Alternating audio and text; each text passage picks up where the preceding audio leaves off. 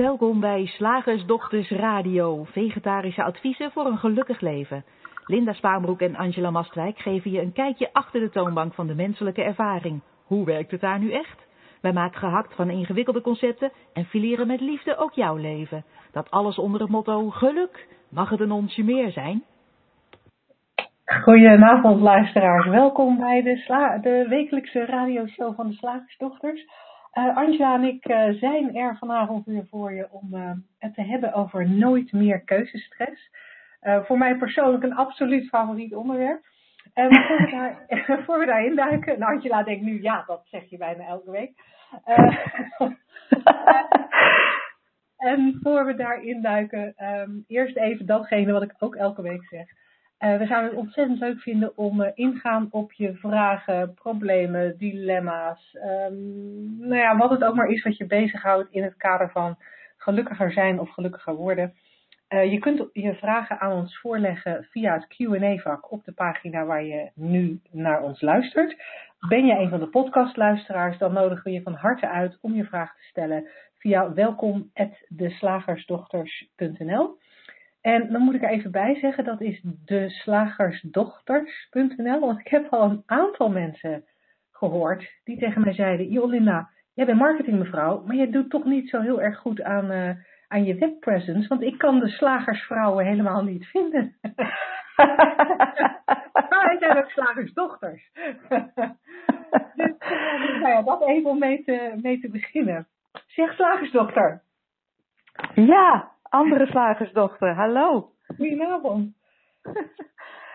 Keuzestress. Ja, ik vind het ook een groot. Ik vind het best een. Uh, het lijkt een groot onderwerp. Hè? Je ziet het uh, overal terugkomen. Vooral nu. Uh, dat speelt dan in, in, in mijn ervaring. mijn, mijn oudste zoon is deze week afgestudeerd. En die moet dan gaan kiezen. Wat gaat hij doen? Hmm. Toch die baan aannemen? Of gaat hij nog een master's degree halen? Of gaat hij misschien een jaar niks doen of, of, uh, of iets heel anders uh, dan hij, waar dan hij voor gestudeerd heeft.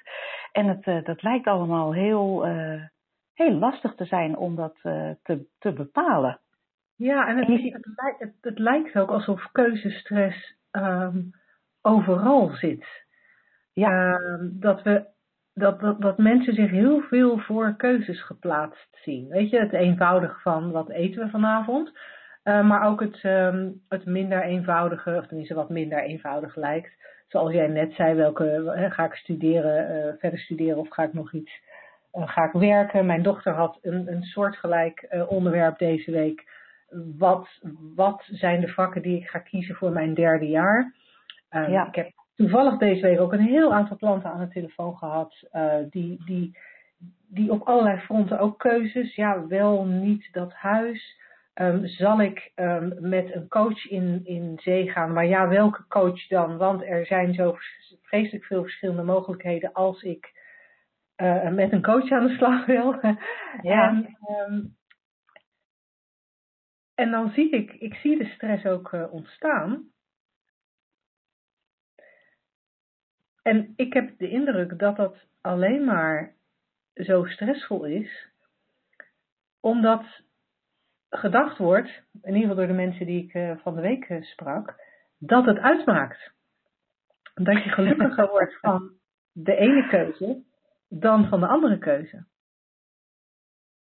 Ja, het lijkt inderdaad heel belangrijk te zijn. Uh, nou ja, wat je eet vanavond is misschien dan minder belangrijk. Maar uh, de dingen die jij noemt, de keuze van een coach, dan wordt het al iets, uh, iets ingewikkelder. Want dan ga je dan geld aan uitgeven en je verlangt een bepaalde uitkomst. En kan het bij de een wel en bij de ander niet. Maar in grote dingen ook, uh, ga ik wel of niet met deze man in zee of met deze vrouw? Of, of ga ik er vanaf? Ook, een, ook, ook zo'n zo'n mooi dilemma. En inderdaad, wat je vertelt over een huis. Ga ik het kopen? Ga ik het verkopen? Waar dan? Waar vestig ik me? En, en het lijkt ook zo alsof in, in de wereld zoals die nu is, de opties zo uitgebreid zijn. vroeger was het dan nog iets eenvoudiger. Als je vader slager was, dan lag het voor de hand dat, jij, uh, dat de oudste zoon bijvoorbeeld uh, automatisch slager werd, nam de zaak over.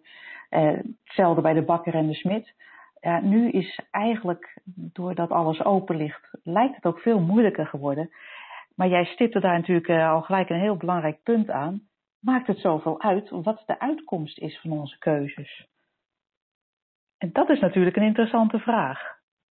Word je gelukkiger van, van uh, het huis in Soest dan het huis in uh, Hoogveen? Word je gelukkiger van je vader opvolgen in de slagerij of uh, accountant worden?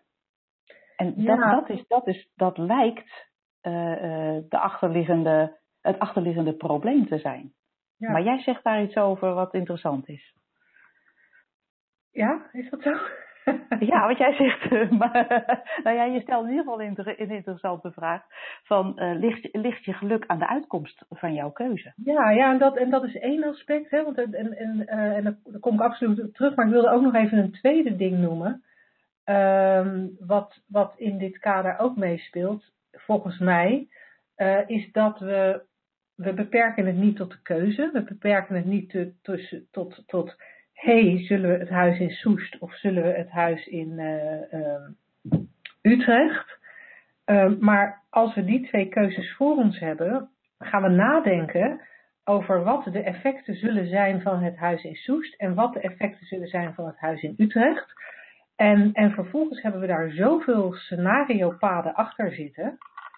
Um, ik leg vaak aan mijn klanten uit dat, ik, ik noem dat dan bomen bouwen als, je, als je kijkt naar de, naar de keuze huis in Utrecht of huis in Soes, nou als je het voor jezelf zou tekenen, en dan begin je met van onderaf je blad naar boven toe, teken je één paardje, een stukje omhoog, en dan krijg je twee vertakkingen. Naar links is Soest en naar rechts is Utrecht. Nou, so far so good. Zou je op dat moment het daarbij houden, nou ja, dan kies je het een of je kiest het ander. Dus dat, dat lijkt dan vrij eenvoudig. Maar wat we doen, we, we, in ons hoofd lopen we die, die vertakking richting Soest lopen we af. En dan gaan we nadenken. Oké, als we Soest kiezen, dan. En dan krijgen we een vertakking naar drie verschillende type huizen die we kunnen kopen in Soest. Aan de andere kant, bij Utrecht hebben we diezelfde vertakkingen.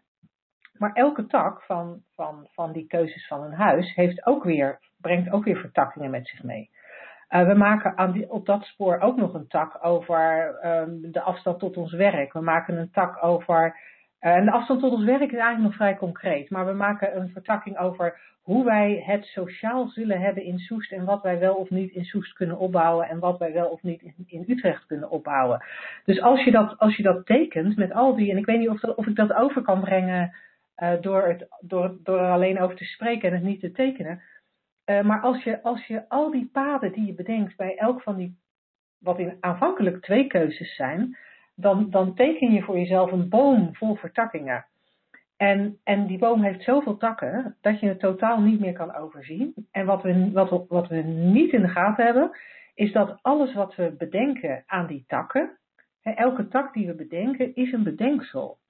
Het is een soort toekomst voorspellen wat er mogelijk zou kunnen gebeuren. Een soort scenario scenario voorspellen. En dat is best een leuke hobby.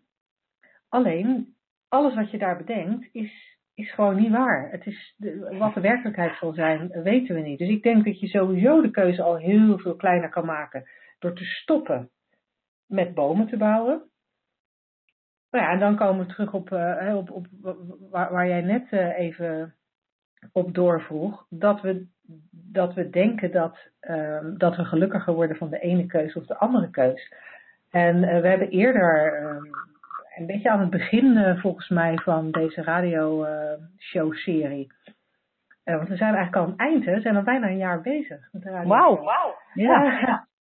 maar in het begin hebben we het wel eens gehad over een, een onderzoek wat jij misschien nog um, zo uit je hoofd kunt reproduceren.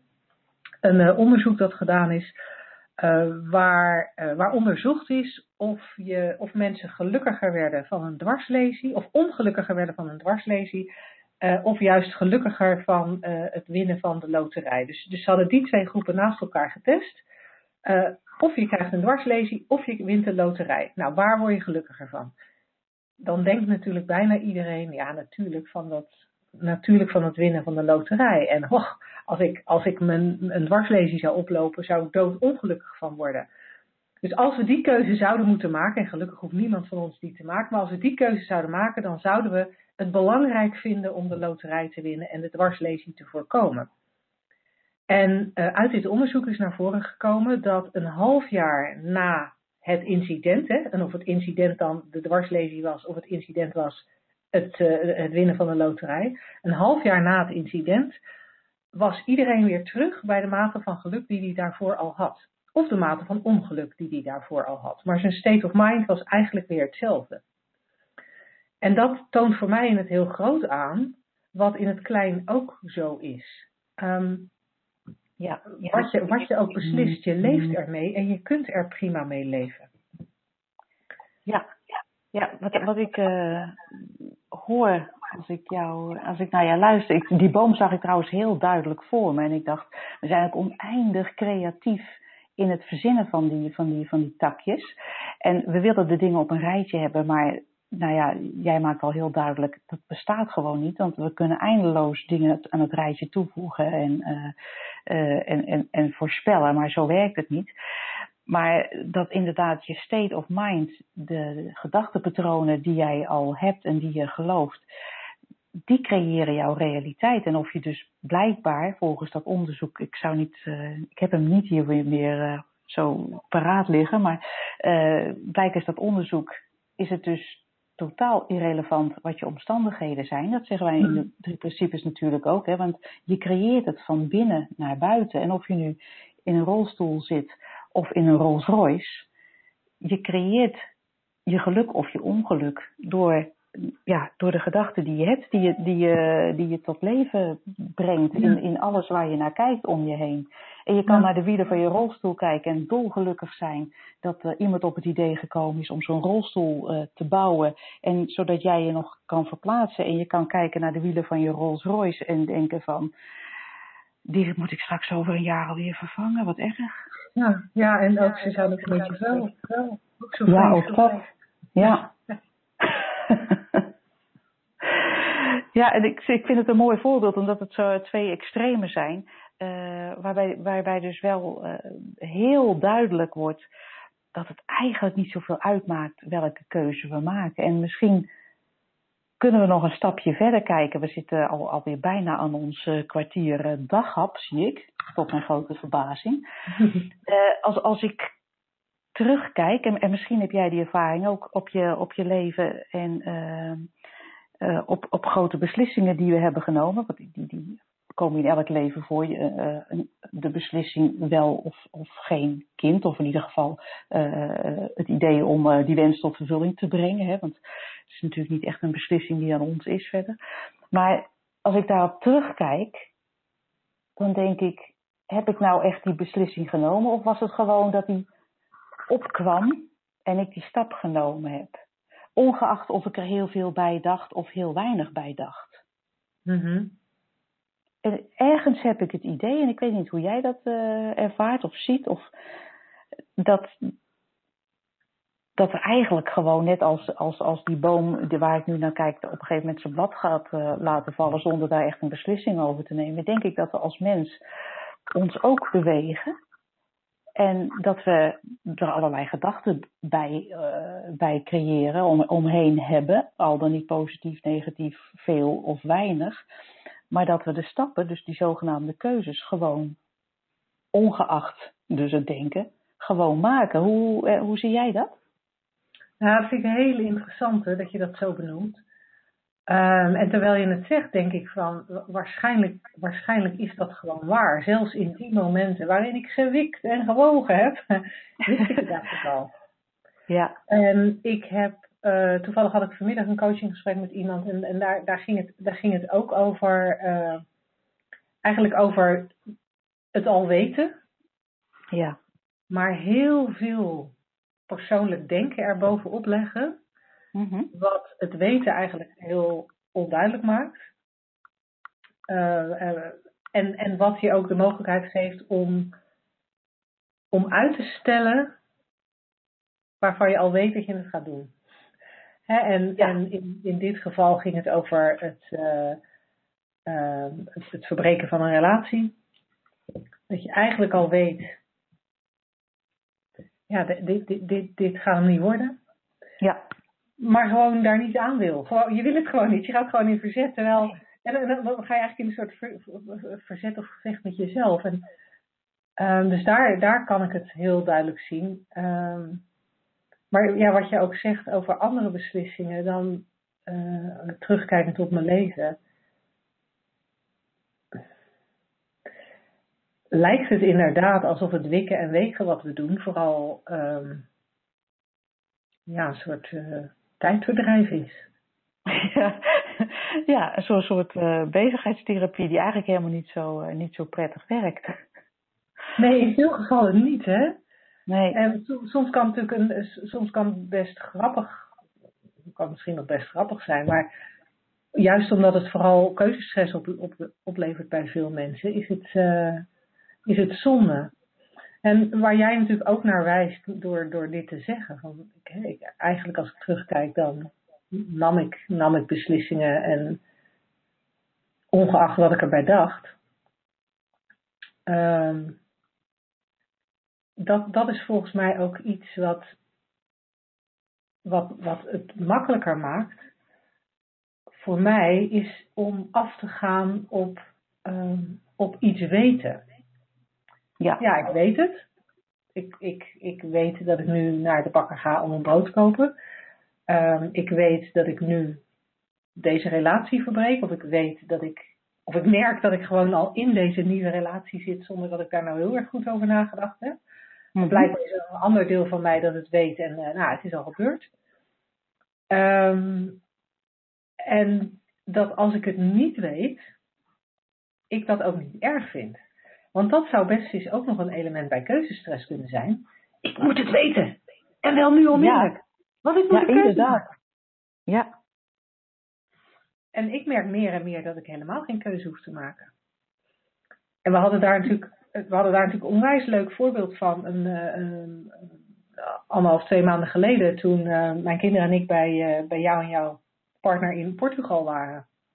En ik was al een paar maanden dat ik dacht, goh, het zou wel leuk zijn om een paar weken door Scandinavië te reizen. En ik had bedacht dat ik dat dan in een busje deed. Maar een busje kopen was eigenlijk net zo duur als een goedkope camper. Dus mijn schoonzoon had gezocht voor me naar een camper. En ik wist niet wat ik daarmee moest. En toen noemde ik dat tegen jullie.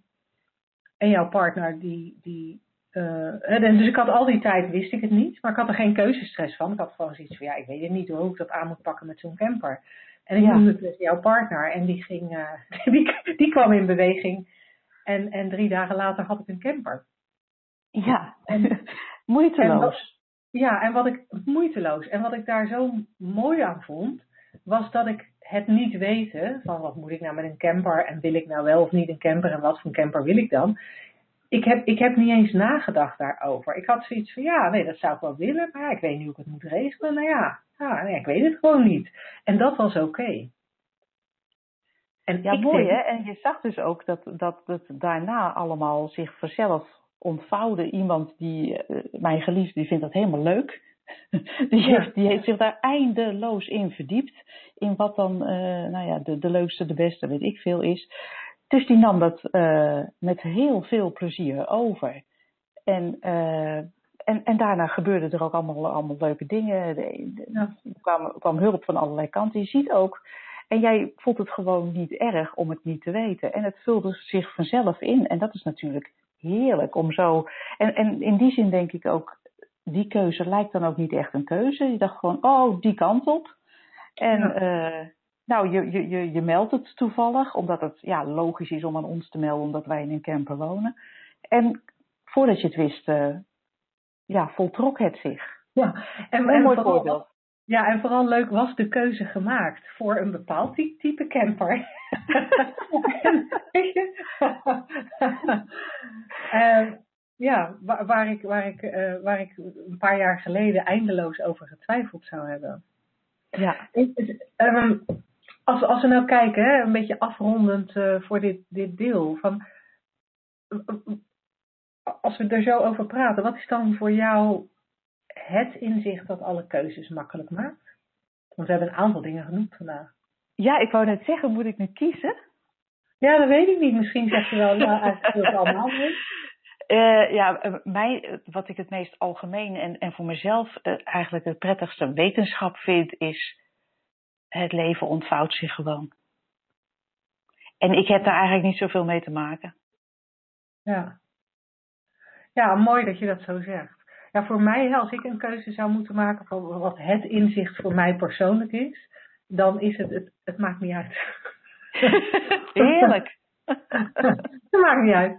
En, uh, ja, leuk. En ik, ook leuk, ook leuk richting onze luisteraars om te zien dat wat voor mij het inzicht is, niet per se voor jou het inzicht is. En dat dat voor onze luisteraars ook geldt. Hè? Dat ze uit, uit onze gesprekken kunnen halen wat, wat hen helpt om, uh, nou ja, in dit geval minder keuzestress te hebben. En in andere gevallen in ieder geval in zijn algemeenheid uh, ontspannender en gelukkiger door het leven te gaan. Ja, dat is heel goed dat je dat zegt. Ja, dat inderdaad, mijn inzicht hoeft de jouwe niet te zijn. Iedereen uh, ja, ziet vanzelf wat, waar voor hem of haar uh, de oplossing, als je het zo wil noemen, uh, ligt. Waardoor dit soort onderwerpen als keuzestress gewoon vanzelf uit elkaar vallen, als het ware. en het is, dat kan inderdaad voor iedereen er anders uitzien. En, en hoe weet je dat? Ja, het voelt gewoon lichter, zou ik willen zeggen. Ja, ja Sidney Banks zei dat ook altijd, hè? Van, van, het gaat uiteindelijk om het goede gevoel. En als je een goed gevoel hebt, ja. Uh, dan is dat wat bij je past. Als het, uh, nou ja, dat, dat sluit heel erg aan bij wat jij zei. Um, weet je, waar, waar me dat ook aan doet denken, daar liep ik van de week ook nog heel even, kwam dat in me op we hebben het in deze radioshow volgens mij nooit met onze luisteraars gehad over het feit dat de dingen die wij vertellen, dat je die niet hoeft te analyseren en dat je daar niet afwegingen over hoeft te maken en dat je er niet voor en tegens van hoeft, uh, hoeft te maken. Dat, dat profijt hebben van, van de inzichten die wij delen en van de richting waar we op wijzen, dat, dat, dat je dat profijt al hebt door gewoon te luisteren met een soort open mind. En um, ik zeg vaak door, door waar we het over hebben als een soort muziek bij je binnen te laten komen. Naar muziek luister je ook niet in de zin van. Uh, uh, hey zeg, uh, ik hoor daar nou een trompet, maar eigenlijk had ik daar een viool moeten horen of een cello en het had een bas moeten zijn. Um, weet je, daar luister je naar en het komt over je heen en je neemt het tot je. En, en als wij praten over de drie principes, maar eigenlijk iedereen die praat over de drie principes, omdat we zo wijzen in een richting en niet heel, niet heel per se, uh, we, hebben, we hebben geen recept, we hebben een beschrijving van hoe dingen werken, um, helpt het heel erg als je naar ons kunt luisteren met niks in je eigen gedachten. Zonder oordeel over wat we zeggen, maar ook zonder oordeel over de dingen die je zelf denkt. Um, dus dat wil ik nog even toevoegen, omdat we dat eigenlijk volgens mij nooit eerder hebben benoemd. Heel mooi, dank je.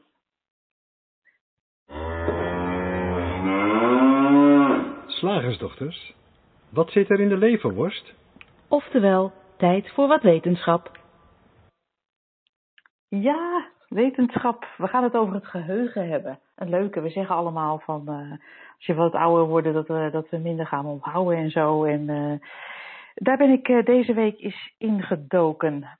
Uh, en wel in een onderzoek van David, nou weet ik niet eens wat ik hier geschreven heb, Glansman geloof ik. In ieder geval, uh, die werkt voor de UCLA, de University of California in Los Angeles. Ehm, en wat zegt hij over ons geheugen? Nou, in de wetenschap wordt het brein vaak vergeleken met een met een computer, maar dan een hele complexe computer. Eentje die we nog, uh, ja, waarvoor we hard ons best doen om hem na te bouwen, maar dat lukt nog niet echt. En uh, zo zien we dat ook vaak voor herinneringen. Er wordt er gezegd dat herinneringen ergens in het brein worden opgeslagen, zoals informatie wordt bewaard op je harde schijf, hè, op een externe schijf die je dan, dan inplugt. Dus er, zit een locatie in jouw computer of in een externe harde schijf en daar zit informatie op. En zo hebben we dat ook lange tijd uh, gedacht dat het zo werkte in de hersenen. Er zit een plekje en daar zit die herinnering en op een ander plekje zit een andere herinnering. En alles bij elkaar uh, maakt dat het geheugen op. Nou, David Glansman, als ik het uh, goed lees hier, en zijn collega's, die, die stelden zichzelf dus de vraag of dat nou wel zo werkt. En uh, om een antwoord daarop te krijgen, testen zij bijvoorbeeld de grenzen van het geheugen, van het lange termijn geheugen, bij zeeslakken. Ik vond het een interessant gegeven. Oh, ik, dacht, ik wist niet dat zeeslakken ook hersenen hadden en dat ze een geheugen hadden. Nou goed. Wat ze deden bij die zeeslakken, die kun je dus trainen. Vond ik ook leuk. En die trainden ze eerst om te reageren op bepaalde signalen. En dan werd er dus in hun hersen gekeken, wat, wat gebeurt er daar? Nou, dan, zoals wij al eerder hebben besproken, dan worden er dus bepaalde verbindingen gelegd. Eh, die zeggen van, oh ja, als je op dit knopje drukt met je zeeslakkenneus, ik noem maar wat, dan, dan krijg je eten. Of in ieder geval als er een fluitje gaat die je met je zeeslakkenoren hoort, dan, eh, dan betekent dat iets. Nou hadden die eh, professoren dus een, een chemisch proces ontwikkeld waarbij ze dus die hersenen van die zeeslakken weer terug konden brengen in de staat voordat ze getraind waren, in ongetrainde staat. Kan je het, eh, kan je het nog volgen? Dus eerst Ja, ja, ja, ja. ja. ja, was er in die, in die hersenen een geheugendingetje gecreëerd. En daar, daarna hebben ze dat chemisch weer teruggedraaid naar de oude staat. Dus die, die, die herinnering werd gewist, laat ik zo maar even zeggen. En wat ze ontdekten, is dat die aangeleerde reflexen toch bleven zitten, al was het geheugen gewist. Dat was opmerkelijk. Uh, ze concludeerden daaruit dat het lange termijn geheugen dus niet in de hersenen zit, wat eerder dus wel werd verondersteld. Uh, ook werd uh, gekeken naar monarchvlinders bijvoorbeeld. die, die vliegen duizenden kilometers van Canada over de Verenigde Staten ergens naar Zuid-Amerika. En dat, die reis die duurt zo lang dat die verschillende generaties monarchvlinders beslaat. Mhm. En nou, daar werd van uh, uitgegaan, nou dat zal wel via de genen door werden gegeven. Maar door dit onderzoek zeiden ze ook nee, die informatie wordt helemaal niet doorgegeven in de hersenen. Die informatie wordt, net als dat die slakken doen, ergens opgepikt. hey, dat was even een, een, een nieuw inzicht. Uh, dus we gingen kijken, ja, waar wordt dat dan opgepikt, die info? En Ja. het, het antwoord vonden zij in kwantummechanica. Ik dacht, nou, wat heeft dat er nou mee te maken? Nou, zei de onderzoekers, eh, in de kwantummechanica zien we dus dat er geen eh, onderscheid is tussen protonen en neutronen. En dus ook geen onderscheid tussen jou en mij. Hè? Want we bestaan natuurlijk allemaal in van die, uit van die hele kleine deeltjes uiteindelijk die, eh, die, die geen grenzen hebben. En in plaats daarvan verschijn, verschijnt alles, jij, ik, de zeeslak en de monarch, in een kwantumveld. Dus daar werd de, de, de, het verband gelegd met kwantumfysica. In de Indiase filosofie had men daar trouwens ook al een naam van, zonder dat men ooit eh, kwantumfysica had bestudeerd. Maar daar noemde men eh, dat kwantumveld, wat dus nu wetenschappelijk vastgesteld wordt dat het er is, noemde men universeel bewustzijn. Mhm. Kijk, dat vind ik een mooie, want daar praten wij natuurlijk in de drie, principes ook over. Hè? Dat is een van de drie principes, is het bewustzijn. Ehm, nou, over het onderzoek nog eventjes terug, want dat moeten we nog even afronden natuurlijk. Eh, conclusie, altijd handig. De zeeslak, de monarch, eh, die breinen, dat zijn dus geen opslagplaats, zegt men, maar een middel, een soort biologisch proces, om toegang te krijgen tot informatiepatronen in dat kwantumveld. Ja, zo, zoals ik het zelf zag, was het dus meer een soort eh, antenne eigenlijk om in te tunen. Vind ik, vond ik ook een, dat is wat ik eh, voor me zag toen ik dit eh, onderzoek las. Maar dus, geheugen zit er dus niet in je hersenen.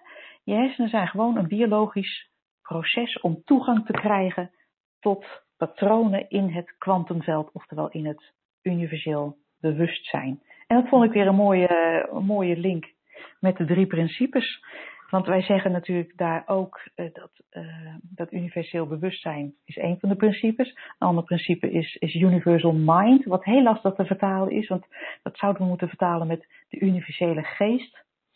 Uh, ik vind het zelf niet zo'n mooie, niet zo'n mooie term, want geest, ja, dat heeft voor ons iets van geestverschijning of zo. Ja. maar goed, door alle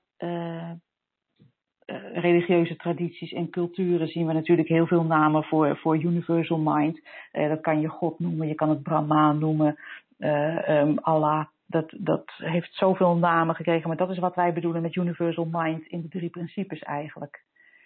En, en het derde principe, het universele denken, ja, dat zijn dan dus eigenlijk die patronen daarin. Dat vond ik, en, en daar maken wij dus ons persoonlijke denken van, blijkbaar door middel van van een soort antenne die dan biologisch gelokaliseerd is in ons hoofd. Zo zie ik het. Ik weet niet of jij nog al luisterend uh, iets anders uh, hoorde, maar ik vond het een leuk onderzoekje. Ja, het is zeker een leuk onderzoek. En ik vind ook de, de connectie die je legt met de drie principes heel interessant. Ja. Uh, ik, ik, ik probeer even in mijn hoofd een beetje door te filosoferen. Um, omdat, je, omdat je net ook de connectie zegt, nou we maken dat persoonlijke gedachten. Als, als, het, als het waar is en je filosofeert het door, en dat klopt natuurlijk met wat wij weten van de drie principes, wat wij zien gebeuren, maar dan, dan, dan betekent dat dus dat wat wij doen ook opgepikt wordt in dat kwantumveld.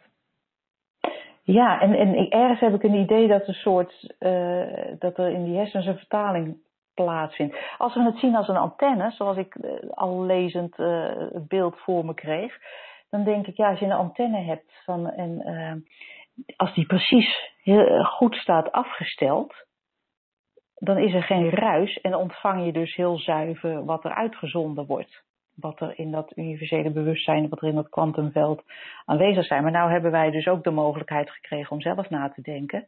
Best handig als mens. Soms ook niet handig als je keuzestress uh, gaat veroorzaken. En ik denk dat dat is dus voor mij een soort ruis op de lijn van die, uh, van die op zichzelf uh, zuivere antenne. Zoiets. Het, het, heeft, het is mij nog niet helemaal helder waar, hoe, hoe het werkt. En waarschijnlijk zullen, zullen we dat ook nooit echt weten. Hè? Ja, het ligt veel buiten ons, buiten ons vermogen, denk ik, hè? om daar echt... Ja, ja. Maar, maar wel interessant om naar te kijken als je denkt van, nou ja, dat, die drie principes, hè, die spirituele principes van, uh, uh, die ten grondslag liggen aan, je, aan de menselijke ervaring, dat klinkt me allemaal een beetje zweverig in de oren. Uh, dan, dan vind ik het ook mooi dat we dus aan de harde wetenschapskant, dat ik toch ook elke keer ontdek dat er wel elementen in zitten van, uh, van, wat, van waar wij dus naar verwijzen ja. in spirituele zin. Dat vind ik wel grappig. Ja, ja, heel cool. Heel cool. Dankjewel weer voor dit uitzoekwerk. Ja. Zeg, slagersdochters, hoe bak ik die vegaburger? Over naar de luisteraarsvraag. Angela, heb jij uh, een vraag binnengekregen uh, via de mail? Het is helaas uh, stilgebleven op welkom.deslagersdochters.nl. Ik hoop dat er van de week wat, wat meer meldingen binnenkomen. Want je vragen zijn dus echt welkom, zoals ons mailadres al doet vermoeden. heb jij iets in het Q&A-vakje? Ik, ik, heb, ik heb een vraag, ja. Oh, mooi. Um, en die luidt, hij is... kijk hoor, dan moet ik wel mijn scherm even goed zetten. Jullie zeggen dat het maar gedachten zijn, en dat zie ik voor een deel wel, maar ondertussen heb ik wel gevoel en die emoties op dat gevoel moeten ook ruimte krijgen. Verdringen is niet goed voor me, heb ik gemerkt. Ter verduidelijking, ik ben door mijn ouders altijd, nu op mijn 45ste nog steeds, veel uitgescholden en het is me verteld dat ik dom ben en niks voorstel. Inmiddels weet ik beter, waardoor er een enorme boosheid naar hen, naar hen, toe, is, naar hen toe los is gekomen. Die boosheid wil ik oplossen, laten verdwijnen en tegelijkertijd lijkt hij eruit te moeten. Gewoon stoppen met denken lijkt niet te werken. Nee, dat werkt nooit, hè? Stoppen met denken. We kunnen het ook haast niet, hè? Nee. En, en ik, vind het, uh, ik vind het een hele mooie vraag, want, want het is. Uh, uh, ik, ik hoor dit wel vaker en dus er zit een, een soort misverstand in wat, uh, wat wij graag uh, op zouden helderen. Het feit dat je gevoelens gecreëerd worden door je, door je gedachten wil niet zeggen dat je ze niet mag hebben. Wij zeggen niet dat je geen gedachten mag hebben en ook zeker niet dat je geen gevoelens mag hebben. Dat is juist wat je mens maakt. Heel ja. simpel. Er komt van alles op. Eb en vloed. Er is, er is vreugde, er is verdriet. En er is uh, soms dus blijkbaar heel veel boosheid en daar is helemaal niks mis mee. Ik heb zelf ook wel eens uh, gemerkt van als je dat uh, gewoon lekker laat gaan en voor mijn part, ja, wat je dan ook doet, je een servies kapot smijt of tegen de deuren aantrapt of ja, wat dan ook. dat eigenlijk, het is een natuurlijke reactie, dat dat eigenlijk dat het opkomt, zo'n golf, hè, de vloed, en ook weer weg hebt. Tenzij, en dat is een hele belangrijke, tenzij wij zeggen, deze boosheid komt door dat, en dan een verhaal gaan vertellen over de boosheid. En ik snap in dit geval dat het heel erg lijkt alsof die boosheid veroorzaakt wordt door wat de ouders in dit geval vroeger hebben gedaan. Dat lijkt echt zo. Dat zou voor mij waarschijnlijk ook zo lijken, voor Linda ook en voor iedereen die luistert ook. Er is jou iets verteld, iets gezegd wat uh, uh, ja, beschadigend lijkt, niet, niet, niet in orde is. En, en je vindt nu dat dat niet had mogen gebeuren. En het lijkt dan ook echt alsof die boosheid daardoor veroorzaakt wordt. Maar waar wij naar verwijzen is het feit dat de gedachte eraan, de mening erover, uh, dat dat is wat je boosheid veroorzaakt. En het is niet erg. Maar als je weet dat het verhaal wat je over die boosheid vertelt, niet meer is dan dat, een verhaal, hoe waar het ook is. Hè, want er gebeuren in, in de wereld gewoon uh, uh, dingen die je niemand toewenst, laat ik het zo zeggen. En het mooie daarvan vind ik altijd, ze zijn voorbij zodra ze voorbij zijn. En op een later tijdstip, en daar kunnen we van alles van vinden. Ik, ik, ik vind het ook niet oké dat, dat ouders hun kinderen uitschelden of dat de mensen mishandeld worden of, of, of vermoord of, of erger. Maar later daaraan terugdenkend is het niet meer dan een gedachte die je mee hebt genomen naar dat latere tijdstip. En ja, die gedachte die je mee hebt genomen kan nog steeds heel, zorgen voor heel veel emoties. Maar als je kijkt naar de, de realiteit in dat moment, er is niks aan de hand. Wat je voelt is, is, een, is een, een boosheid veroorzaakt, getriggerd door een gedachte die in jouzelf opkomt. Is het dat dan maar een gedachte? Nou, dat maar, dat zou ik, uh, dat zou ik weglaten. Het is een gedachte en wauw, wat kunnen die gedachten ons ongelooflijk uh, uh, echt lijken, echt voelen. een soort in de maling nemen. en, en het laten lijken alsof het nu gebeurt, alsof het je opnieuw overkomt en alsof er nu iets aan gedaan moet worden met terugwerkende kracht wil je het het ongedaan maken of, of genoegdoening halen of, of uh, uh, excuses eisen of, of, of zoiets. Maar eigenlijk is wat je nu denkt, zoals ik al zei, een gedachte meegenomen in de tijd. Hij heeft geen macht over jou, want het is allemaal al achter de rug. Hij levert wel boosheid op, begeeft niks. Schreeuw het lekker uit. Maar hij heeft verder geen macht over jou buiten de verhalen die je erover gelooft. En dat is wat we geleerd hebben, wat we als, als mens vaak doen. Uh, ik, ik, wil het, ik zal het eventjes uit deze um, voor jou, voor de, voor de vraagsteller, pijnlijke situatie halen. Om het even wat duidelijker te maken. Want het is vaak, als het jou persoonlijk betreft, dan, dan is die, die situatie zo werkelijk voor jou dat je het even, uh, ben je zo ingezoomd dat je het grotere plaatje even lastig kan zien. Maar stel even een heel simpel voorbeeld. Je zit in de auto en je wordt, uh, vandaag zaten wij in de auto in Drenthe en wij reden over een smalle te, uh, tweebaans weg met een dubbele streep in het midden. mag dus niet ingehaald worden. En wij reden de maximum snelheid van 80 en er kwam een, auto van achter en die ging echt met een noodvaart uh, langs ons heen en, en snee ons af. Nou, dan, je, je, je voelt die adrenaline dan even zo opkomen. En weer weggaan. dat is echt een, een kwestie van, mhm. van, het is zelfs wetenschappelijk bewezen. Ik geloof uh, eh, 90 seconden duurt dat als je er niks aan doet. Ga ik op dat moment, ik weet, het is echt, lijkt heel erg alsof die afsnijder mij dat gevoel geeft. Maar ik weet dat het de gedachte is die mij een gevoel geeft. En dat, dat maakt verder niet uit, maar het maakt wel dat ik er geen verhaal, niet de neiging heb om een verhaal erover te gaan maken. Wat denkt die uh, piep, wat denkt hij wel niet? En uh, het is een doorgetrokken streep en uh, uh, we, we, we, lagen bijna in de berm en straks veroorzaakt die ongelukken, is hij helemaal gek geworden. Nou, dat allemaal. Ja. Weet je, dat zou maken dat ik het maar over blijf, dat dat gevoel blijft hangen en dat ik denk dat ik misschien het gevoel heb dat ik, dat ik iets mee moet doen of, of weet ik veel. Ehm, maar feit is, ja, er was inderdaad een uh, er kwam een reactie op het moment dat het gebeurde. Maar zodra dat voorbij is, is alle gevoelens die ik er daarna over heb niet meer dan een, uh, ja, de keerzijde van een, uh, van een gedachte die ik weer oproep. Al is dat onbewust, hè? We het even mm. duidelijk zijn, is onbewust. Tuurlijk denk je wel eens terug aan vervelende dingen in je jeugd. Uh, maar het is niet meer dan dat.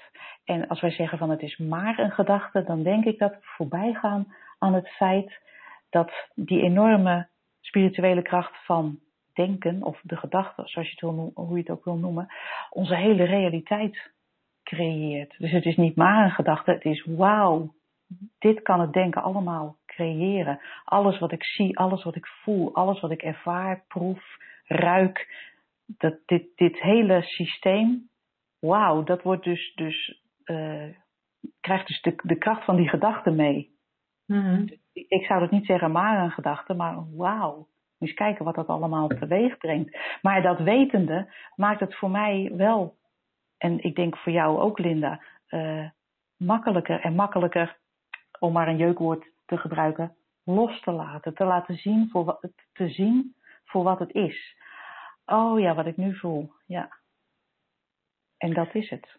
Ja, ja. Nou ja wat ik, wat ik wil, wil hoopgevend geven aan de, ja, zeg maar het meer, meer zien van die drie principes en meer in die, in die richting kijken. Um, of hoopgevend zeg maar voor de luisteraars, uh, is dat door meer en meer in deze richting te kijken, ik gemerkt heb dat heel veel van die negatieve emoties, over vroeger, over dingen die misgegaan zijn, over dingen die mislukt zijn, dat die zachter worden of wegvallen, of ik weet niet eens precies hoe je het moet noemen.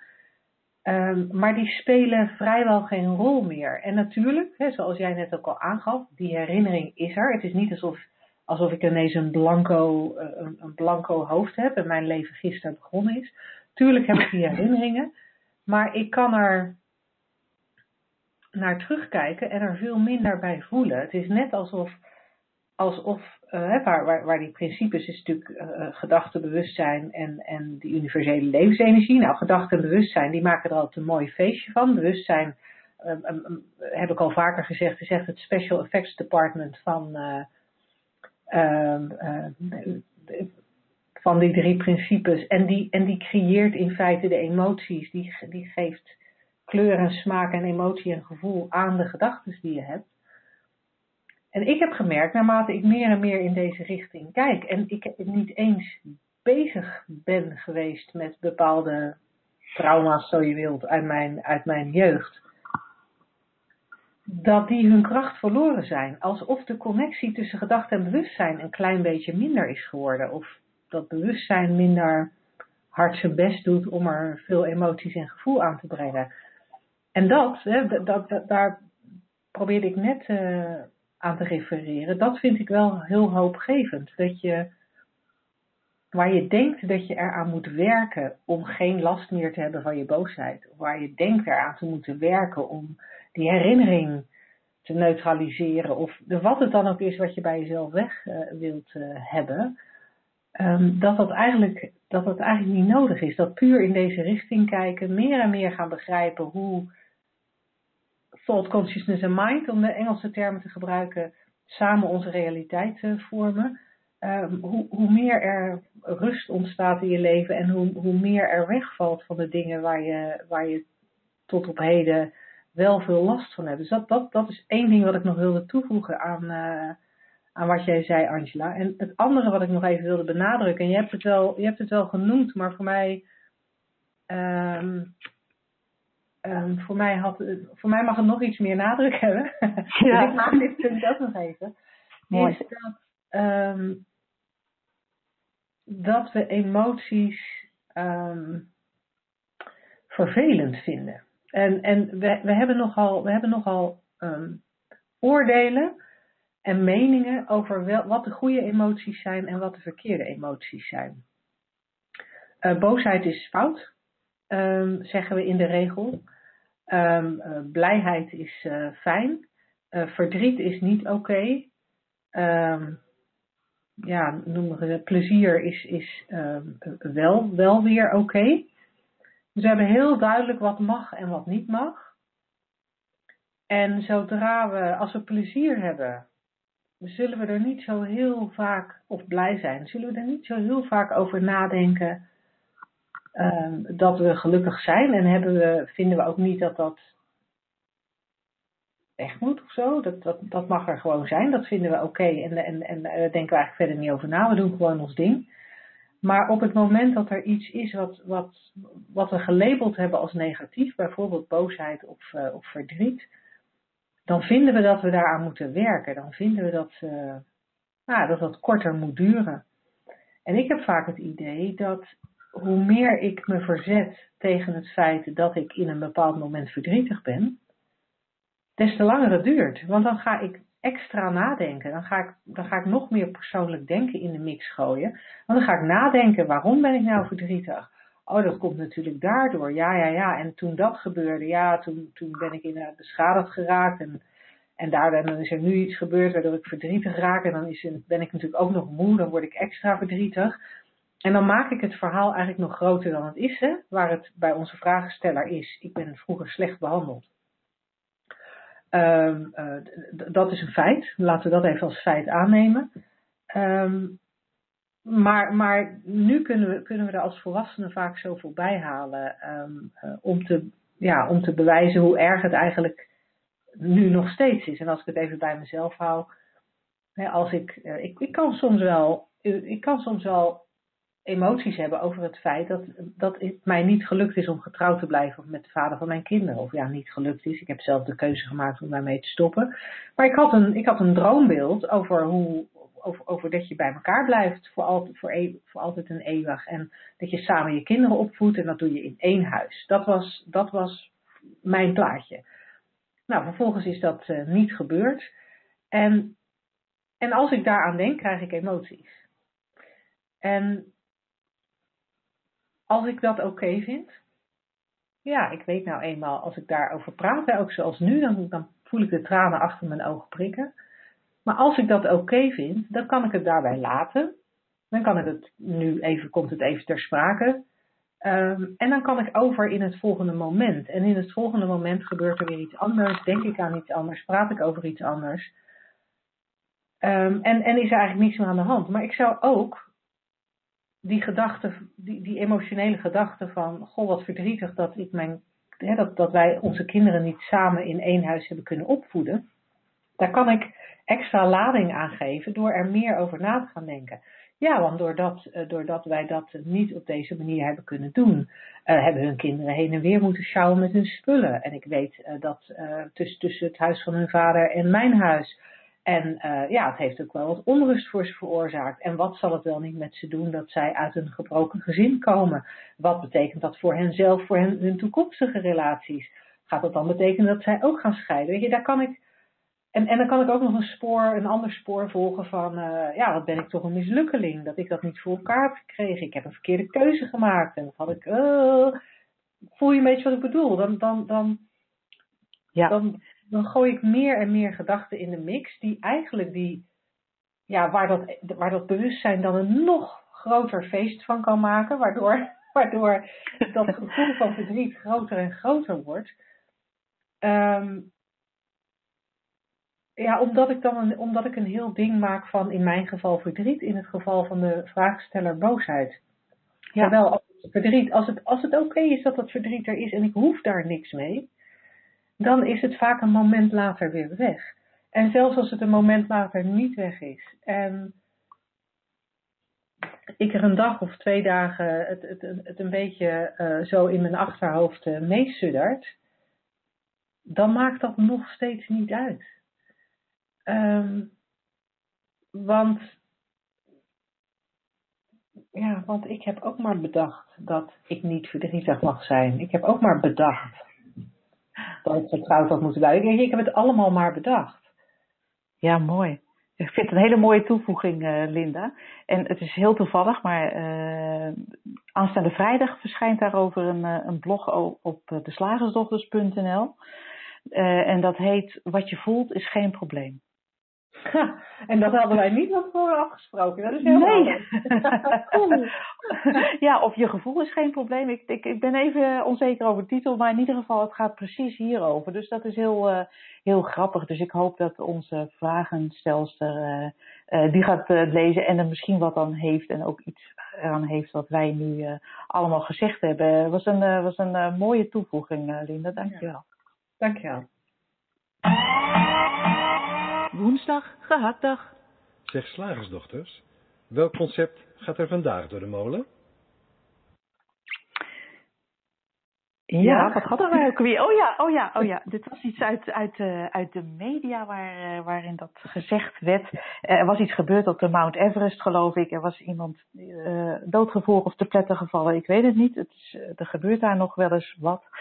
Ehm, en een in een interview met een, een, een van de bergbeklimmers uh, werd gesteld, ja, die berg heeft zo'n enorme aantrekkingskracht. Ja, en ik dacht, oh ja, onweerstaanbaar. onweerstaanbaar. Ik denk, ja, oh, dat zeggen wij inderdaad van, uh, van, van alles. Oh, dat heeft een onweerstaanbare aantrekkingskracht. En dat kan natuurlijk een, uh, iemand van het andere geslacht of van hetzelfde geslacht zijn. Of uh, het bos. Of, of blijkbaar. Chocola. Chocola. Oh ja, dat is mijn uitzondering. Nee, daar is hij waar voor. En chips. En uh, ja, en die Mount Everest dus. En toen dacht ik, nou ja, op mij, uh, op mij oefent hij helemaal geen aantrekkingskracht uit. Wat jij? Ja, dat, dat is natuurlijk, de, de, Mount Everest heeft helemaal geen aantrekkingskracht voor mij. Net zo min als uit een vliegtuig springen met een, uh,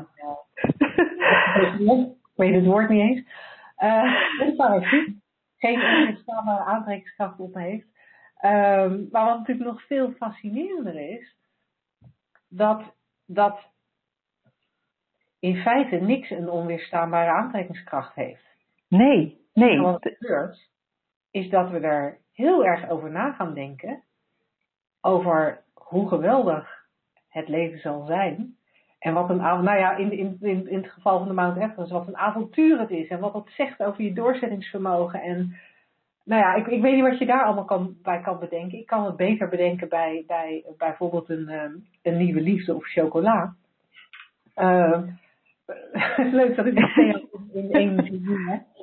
Ja. zijn even belangrijk voor me.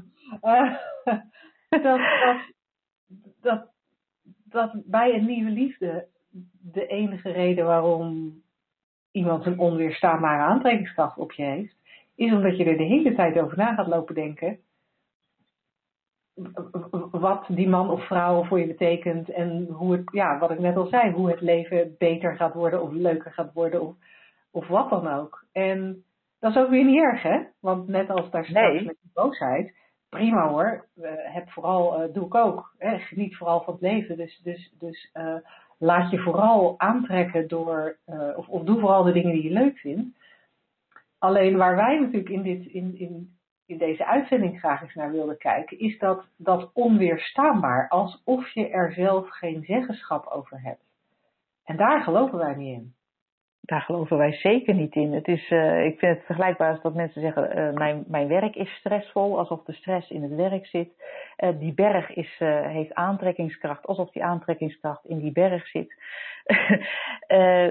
en waar wij, wat wij nu juist zeggen is, het is echt andersom. Wij creëren zelf het idee oh, dat willen we. Oh, dat.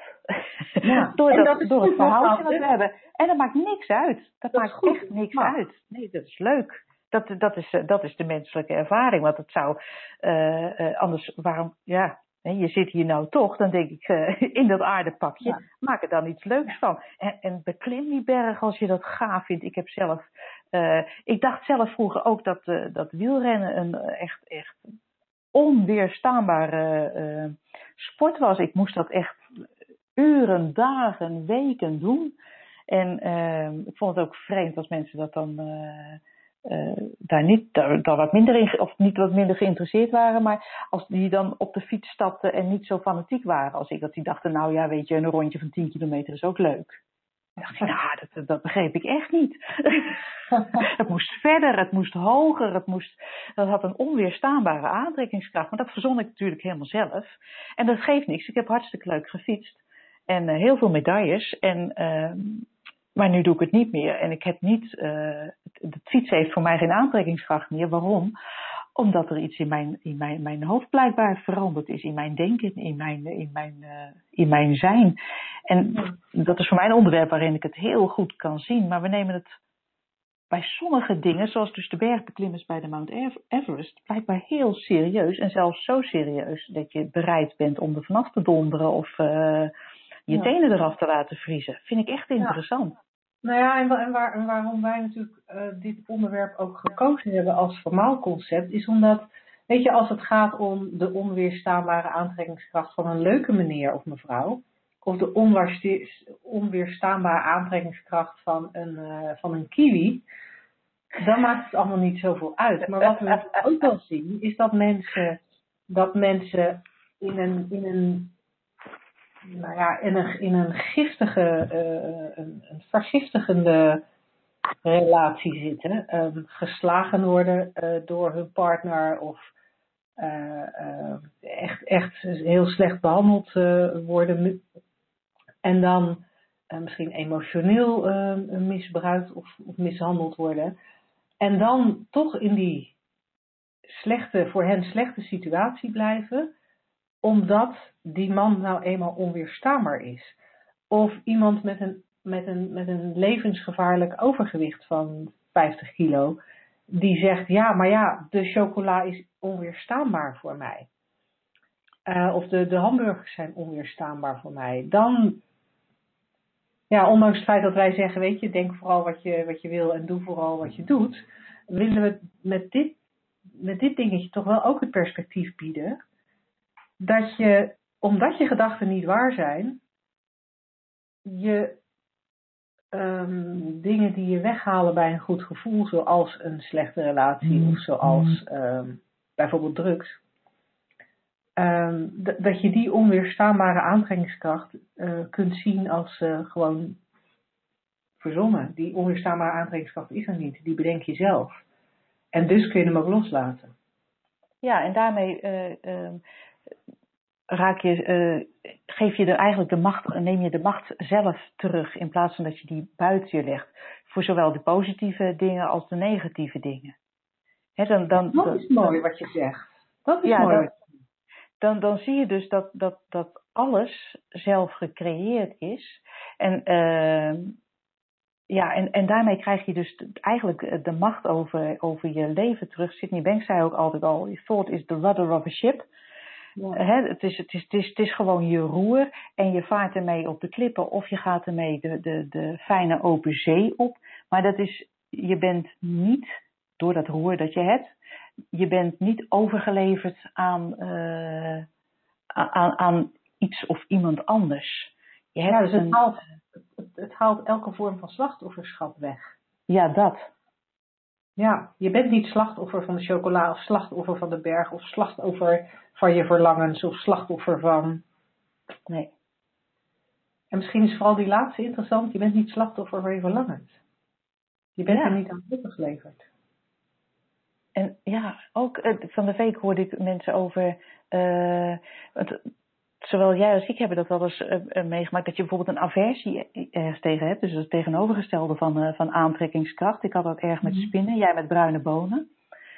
En, en ik merkte op een gegeven moment, door deze kant op te kijken, uh, ik heb niet aan mijn spinnenfobie, nou het was, niet geen, het was geen fobie, maar echt een aversie tegen spinnen. Ik heb daar niets mee gedaan. Maar op een gegeven moment zag ik een spin lopen in de camper en ik pak hem bij een pootje en ik zet hem naar buiten.